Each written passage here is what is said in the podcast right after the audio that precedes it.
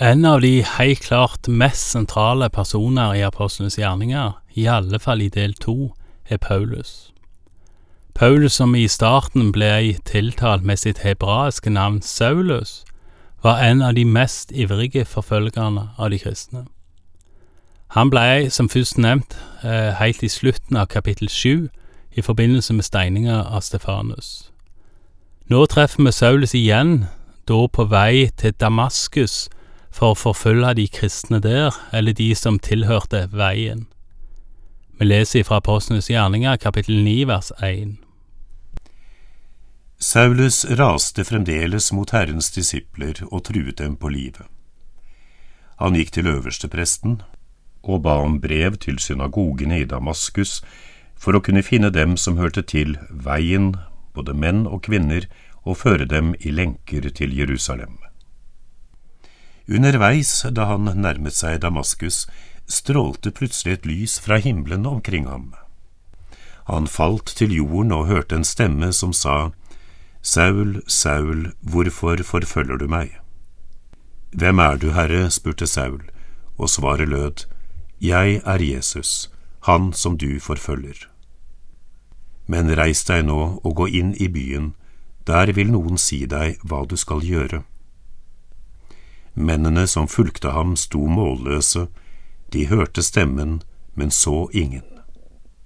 Saulus reiste seg og åpnet øynene, men han kunne ikke se. Så tok de ham i hånden og leide ham inn til Damaskus. I tre dager var han uten syn, og han verken spiste eller drakk.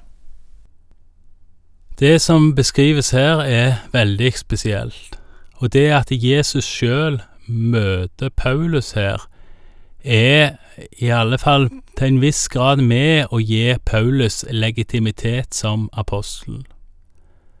Det er ikke bare det som gir han legitimitet, fordi òg i ord og gjerning seinere står i et rett forhold til andre disiplers lære over mange år. Det kan være veldig greit å få med seg, fordi det skjer fra tid til annen at noen forteller at de har møtt Herren på en helt spesiell måte.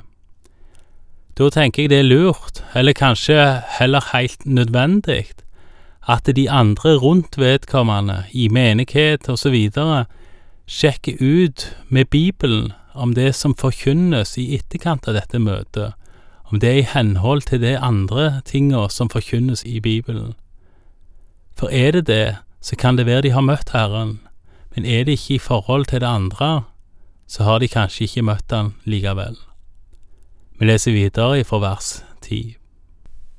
I Damaskus bodde en disippel som het Ananias.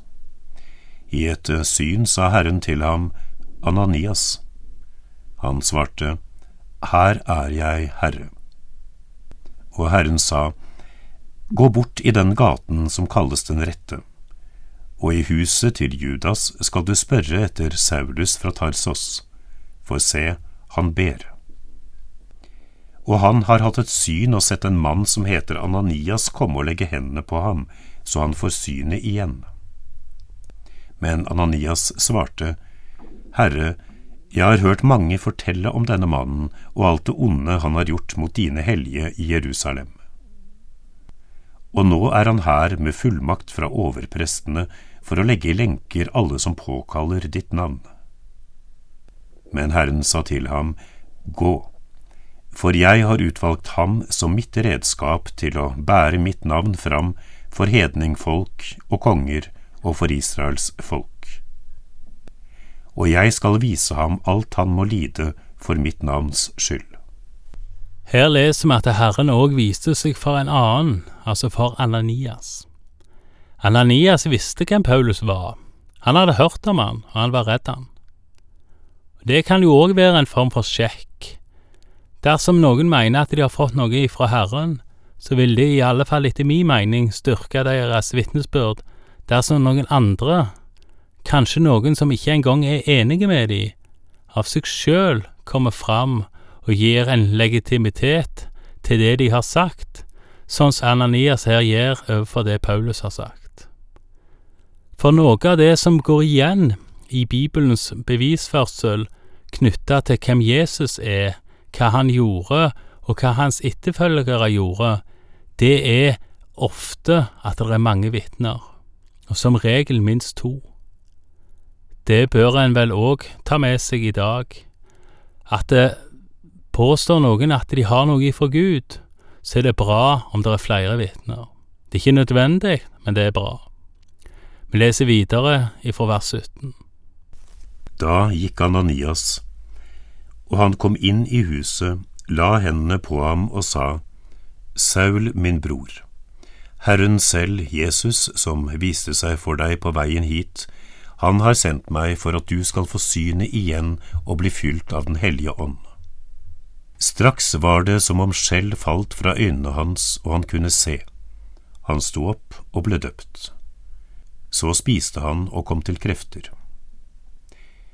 Han ble noen dager hos disiplene i Damaskus, hvor han straks forkynte Jesus i synagogene og sa, Han er Guds sønn. Alle som hørte på, ble forundret og sa, Er ikke dette han som i Jerusalem ville utrydde alle som påkaller dette navnet? Kom han ikke hit for å føre dem i lenker til overprestene? Men Saulus fikk stadig større kraft, og jødene i Damaskus ble svar skyldig da han viste klart at Jesus er Messias. Igjen så ser en hvordan Bibelens forfattere her lykkes, bygger opp en argumentasjon og fører beviset. Vi kan jo ikke godt sjekke det for flere tusen år siden, men det kunne de faktisk gjøre når dette ble skrevet ned. Legg òg merke til at Saulus eller Paulus sin atferd forandrer seg mye, og det merkes både hos de kristne som ble kalt Veien, men det merkes òg hos jødene. Vers 22, som vi nettopp leste, var jo et sterkt vitnesbyrd i så måte. Jødene i Damaskus ble svar skyldig da Paulus viste klart at Jesus er Messias, altså den som jødene faktisk venta på. Igjen ser vi at det skapte trøbbel, og vi leser videre fra vers 23. En god stund senere la jødene planer om å drepe ham. Saulus fikk høre om denne sammensvergelsen. Døgnet rundt holdt de vakt, også ved byportene, for å få ham drept. Men disiplene hans fikk ham ut om natten, de firte ham ned langs muren i en kurv. Det kan se ut som i vers 26, som vi snart skal lese, at Paulus dro nesten med en gang til Jerusalem, men det gjorde han ikke. Han reiste til Arabia, og det gikk minst tre år før han vendte tilbake igjen. Det kan du lese mer om i Galaterbrevet kapittel 3. Vi leser nå videre fra vers 26. Da han kom til Jerusalem, forsøkte han å komme inn blant disiplene. Men alle var redd ham og trodde ikke han var noen disippel. Barnabas tok ham da med seg til apostlene.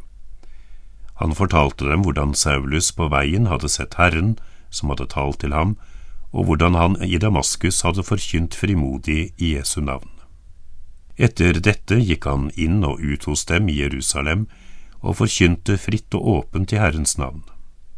Han talte og diskuterte med de gresktalende jødene, men de forsøkte å få ham drept.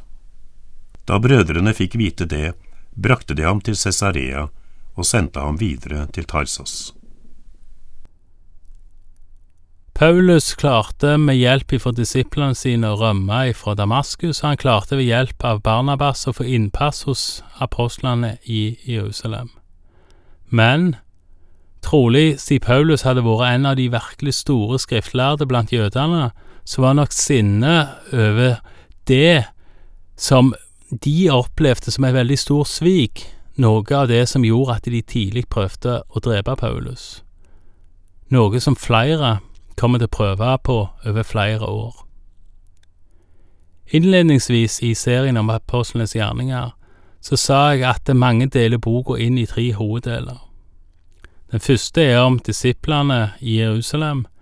Den andre, som vi nå har ett vers igjen av, starter med Stefanus sin forsvarstale og død, og slutter med Paulus sin omvendelse.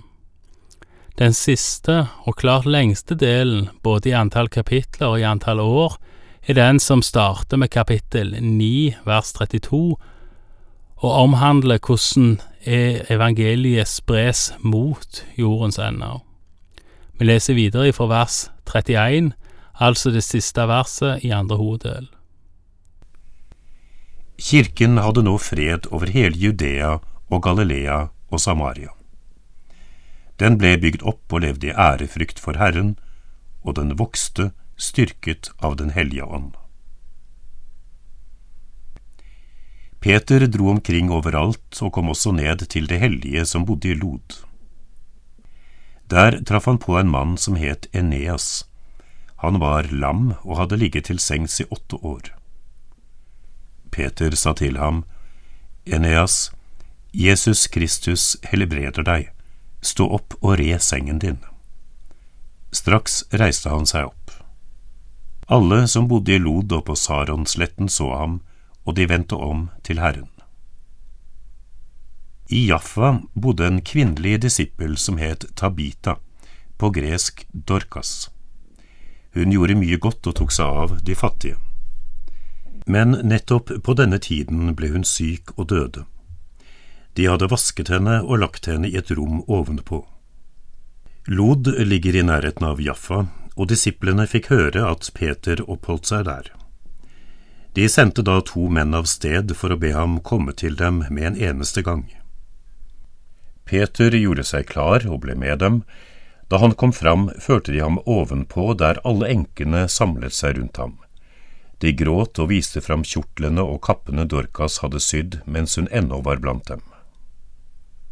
Peter sendte alle ut, falt på kne og ba. Så snudde han seg mot den døde og sa, Tabita, stå opp. Hun åpnet øynene, så på Peter og satte seg opp. Han rakte henne hånden og reiste henne opp. Så kalte han inn de hellige og enkene og viste dem at hun levde. Dette ble kjent over hele Jaffa, og mange kom til tro på Herren.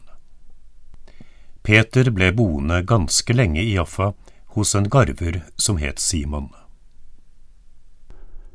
Både i Lodd og Jaffa gjør Peter under i Herrens navn, og begge steder vender mange om, og Peter blir boende hos garveren Simon ganske lenge. En garver jobber med skinner til døde dyr, og var derfor ikke en særlig ansett jobb hos jødene, som hadde klare renhetsregler angående døde dyr. Likevel var det der Peter bodde. Og som vi skal lese om i neste kapittel, så traff Peter òg personer høyere på samfunnets rangstige, da offiseren Kornelius. Mer om det neste gang. Takk for i dag, og Herren være med deg.